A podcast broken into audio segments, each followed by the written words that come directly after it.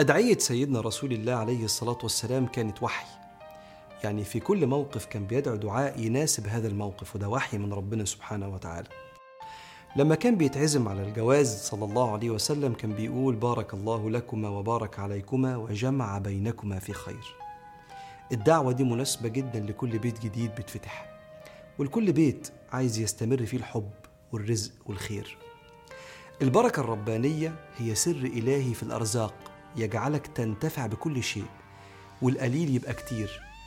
والبركة في الجواز هو سر بقاء الحب. فلو ربنا مبارك في البيت كلمة الاعتذار هتدوب أصعب مشكلة. وبكلمة بحبك أو بحبك هتستغنى بشريك حياتك عن الدنيا كلها. والقرش هيكفي ويزيد كمان وده معنى البركة. كأن سيدنا رسول الله عليه الصلاة والسلام بيدعي للمتجوزين إن هم ينتفعوا ببعض. وتكون الجوازة دي سر السعادة. مش من يوم ما اتجوزوا والهم دخل حياتهم وكانوا سبب في شقاء بعض. طيب والبركة اللي النبي دعا بيها بارك الله لكما وبارك عليكما وجمع بينكما في خير. بتيجي إزاي في البيوت؟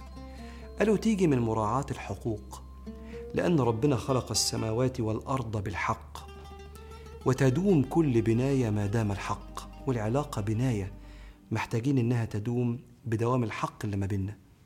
يعني كل واحد في الشريكين يعمل اللي عليه قبل ما يسأل على اللي ليه.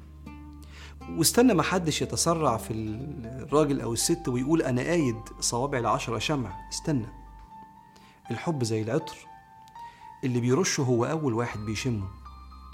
عشان كده اللي قاعد مستني إن اللي قدامه يعمل عمل كويس ليه ومش عايز يبدأ إلا كرد فعل لازم يعرف إنه ما عملش وصية ربنا ادفع بالتي هي أحسن السيئة.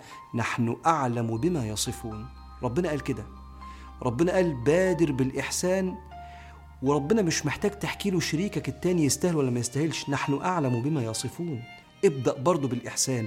هو عالم باللي بيحصل وقال لك ابدأ بالإحسان وأنا قلب شريكك عليا. هخليه في إيديك بس ابدأ بالإحسان. وفي أفعال بتستجلب البركة في الحب وبتحافظ على جمال البيت وهي من الحقوق. قالوا ثلاث حاجات. قالوا لطف الكلام وأداء الواجبات والتغافل وابدأ بيها ما تستناش اللي قدامك يعملها. لطف الكلام أداء الواجبات التغافل. لطف الكلام سيدنا رسول الله بيته كان شيك قوي في الكلام اللي فيه. وهو السيدة عائشة مختلفة معاه كان يقول لها أنا أعلم متى تكوني عني راضية ومتى تكوني علي غضبة. تقول له إمتى؟ يقول لها لما تكوني زعلانة مني تقولي لا ورب إبراهيم. ولما تكوني راضية عني تقولي لا ورب محمد. فترد عليه هي كمان بكلام راقي في لطف تقول له والله ما أهجر إلا اسمك. شايف شياكة الكلام وهم متضايقين من بعض. جربها كده في وسط خناقة أو خصام وشوف أثرها أصل ده كلام ربنا وإحنا مصدقينه. جربي وأنت بتتخانقي كده معاه تقولي له عشان أنا بحبك بتعمل فيا كده حطي بس كلمة بحبك. الكلمة الطيبة سيدنا رسول الله قال إنها بتسد أبواب النار في الآخرة فأكيد هتطفئ نيران الخصام في الدنيا لأنك لما تتلطف بالكلام بينزل لطف الله سبحانه وتعالى فلطف الكلام من الحقوق اللي بتنزل بسببها البركة. تاني فعل بعد لطف الكلام المبادرة لأداء الواجبات ده تاني فعل يستجلب بركة ربنا في البيت. حرام يا جماعة تخلي شريك الحياة يناهد ويتعب في طلب أساسيات هي من واجباتك تجاهه ده حقه.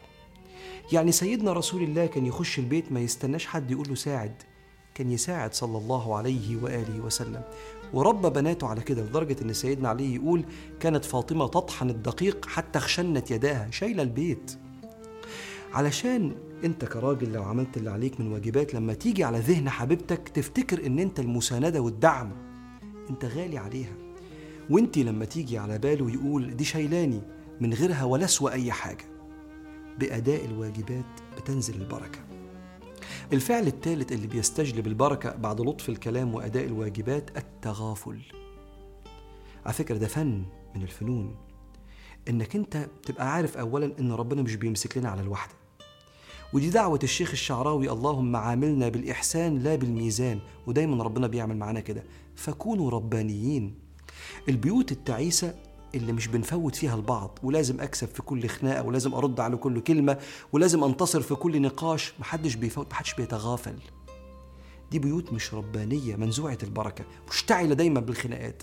وعلى فكرة الكبير وده بيته سعيد اللي بيقدر على الحقيقة يتغافل ويفوت ساعات. واللي قدامك بياخد باله إنك فوت عشان المركب تمشي أنت بتتعامل بأخلاق الله. وتأكد لو انت كنت لطيف في الكلام أو انت وأديت الحقوق وتغافلت عشان المركب تمشي انت بتعمل اللي ربنا قالك عليه وساعتها ربنا هيتولاك لأنه قال على نفسه وهو يتولى الصالحين.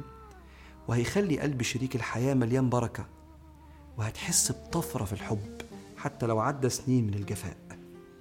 فاللهم أفض علينا بالبركة في بيوتنا واحفظ اللهم الود بيننا وبين أحبابنا. Música